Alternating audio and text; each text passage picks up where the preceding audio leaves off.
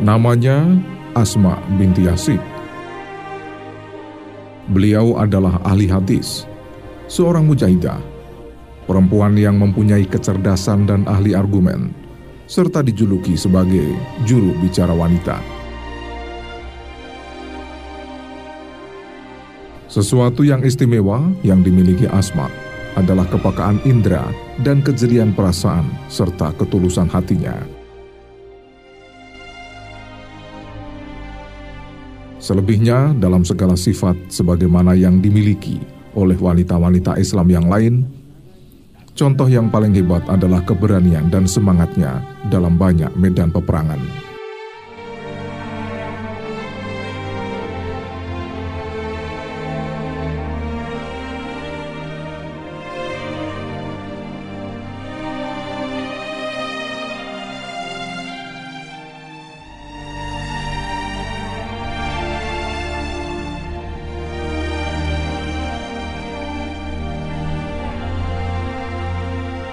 Asma mendatangi Rasulullah Shallallahu Alaihi Wasallam pada tahun pertama Hijriah dan langsung dibayat.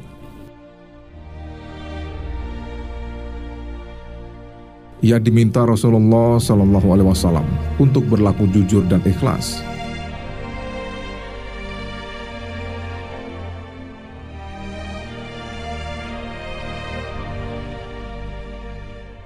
Saat dibayat, Asma mengenakan dua gelang emas yang besar maka Nabi Muhammad Shallallahu Alaihi Wasallam berkata, tinggalkanlah kedua gelangmu Asma. Tidakkah kamu takut jika Allah mengenakan gelang kepadamu dengan gelang dari neraka?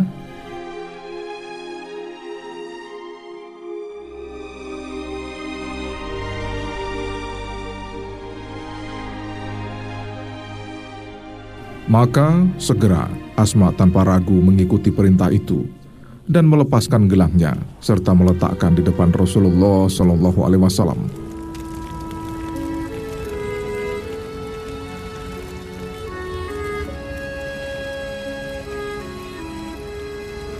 Setelah itu, Asma aktif mendengarkan hadis Rasulullah Shallallahu Alaihi Wasallam dan banyak bertanya tentang berbagai persoalan yang menjadikannya faham dalam banyak hal.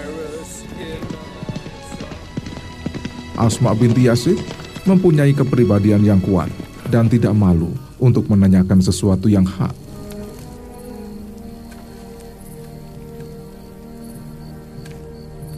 Oleh karena itu, Ibnu Abdul Bar pernah berkata, Asma adalah seorang wanita yang cerdas dan baik perilakunya.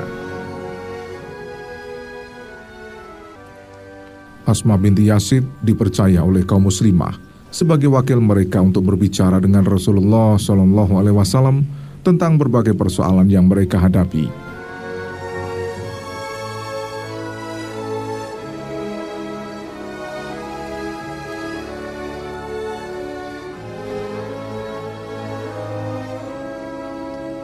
Suatu ketika, Asma mendatangi Rasulullah Shallallahu Alaihi Wasallam dan bertanya, "Wahai Rasulullah, Sesungguhnya saya adalah utusan bagi seluruh wanita muslimah yang di belakangku.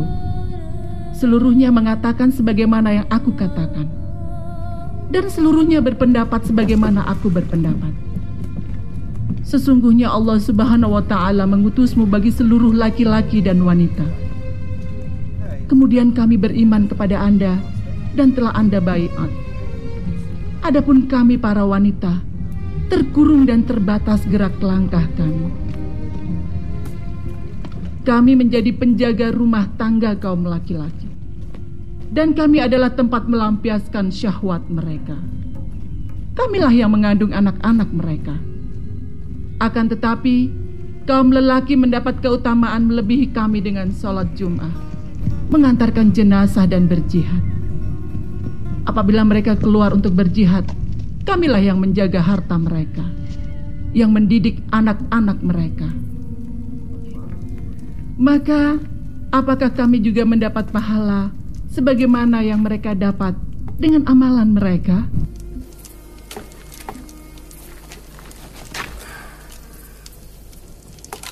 Mendengar pertanyaan itu, Rasulullah Shallallahu Alaihi Wasallam menoleh kepada para sahabat dan berkata, Pernahkah kalian mendengar pertanyaan seorang wanita tentang sesuatu yang lebih baik apa yang dia tanyakan? Para sahabat menjawab, Benar ya Rasulullah, kami belum pernah mendengarnya.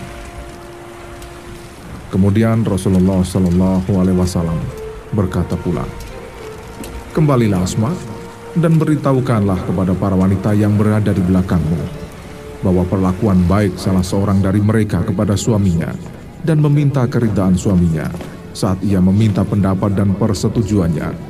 Itu semua dapat mengimbangi seluruh amal yang kamu sebutkan yang dikerjakan oleh kaum lelaki.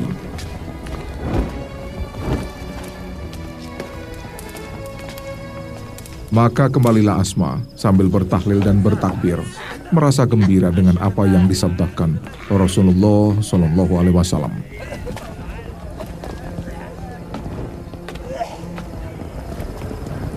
Dalam diri Asma terbetik keinginan yang kuat untuk ikut andil dalam berjihad. Hanya saja kondisi ketika itu tidak memungkinkan untuk mewujudkannya.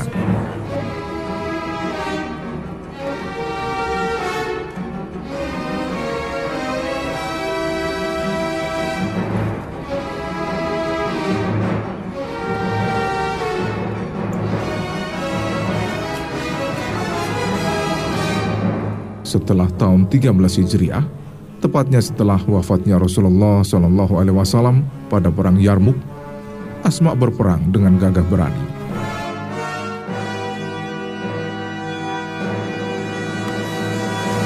Pada perang Yarmuk itu, sejumlah wanita muslimah ikut andil dalam beberapa bagian. Mereka bertekad untuk berjihad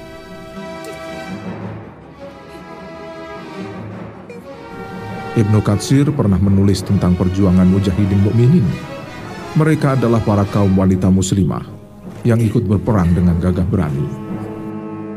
Dalam bagian lain, Ibnu Katsir berkata, pada saat perang Yarmuk, kaum muslimah berperang dan berhasil membunuh banyak tentara Romawi.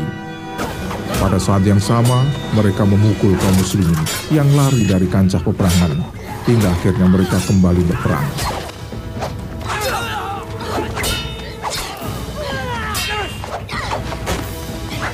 Dalam perang Yarmuk, Asma binti Yasir menyertai pasukan muslim bersama wanita-wanita mukminat yang lain berada di belakang barisan mujahidin. Mencurahkan segala kemampuan dengan membantu mempersiapkan senjata, memberi minum pada para mujahidin, dan mengobati mereka yang terluka. Saat berkecamuk perang melawan tentara Romawi itu, pasukan muslimin sempat terdesak. Ketika suasana semakin panas, Asmah binti Yasir lupa bahwa dirinya adalah seorang wanita.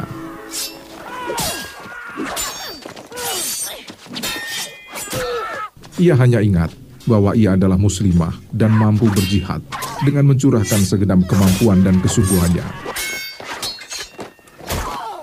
Karena tak mempunyai senjata yang memadai, Asma kemudian mencabut sebatang kayu yang sebelumnya digunakan untuk tiang tenda.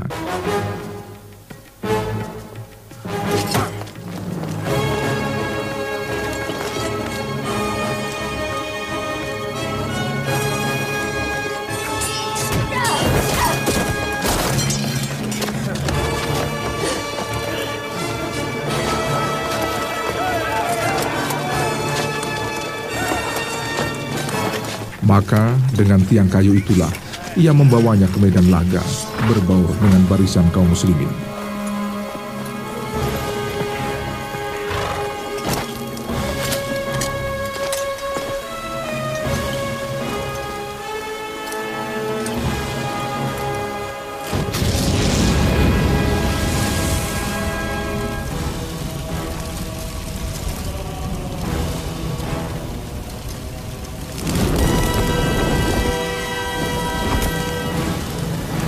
Asma memukul musuh-musuh Allah ke kanan dan ke kiri, hingga dapat membunuh sembilan orang tentara Romawi.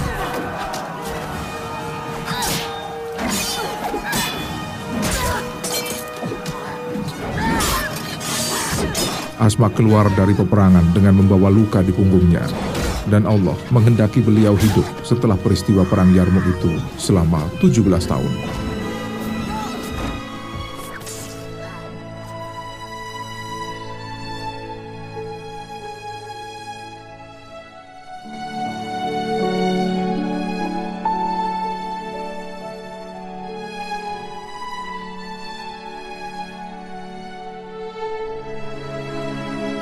Asmah binti Yasid bin Sakan wafat pada akhir tahun 30 Hijriah setelah selama hidupnya menyuguhkan kebaikan bagi banyak umat Islam.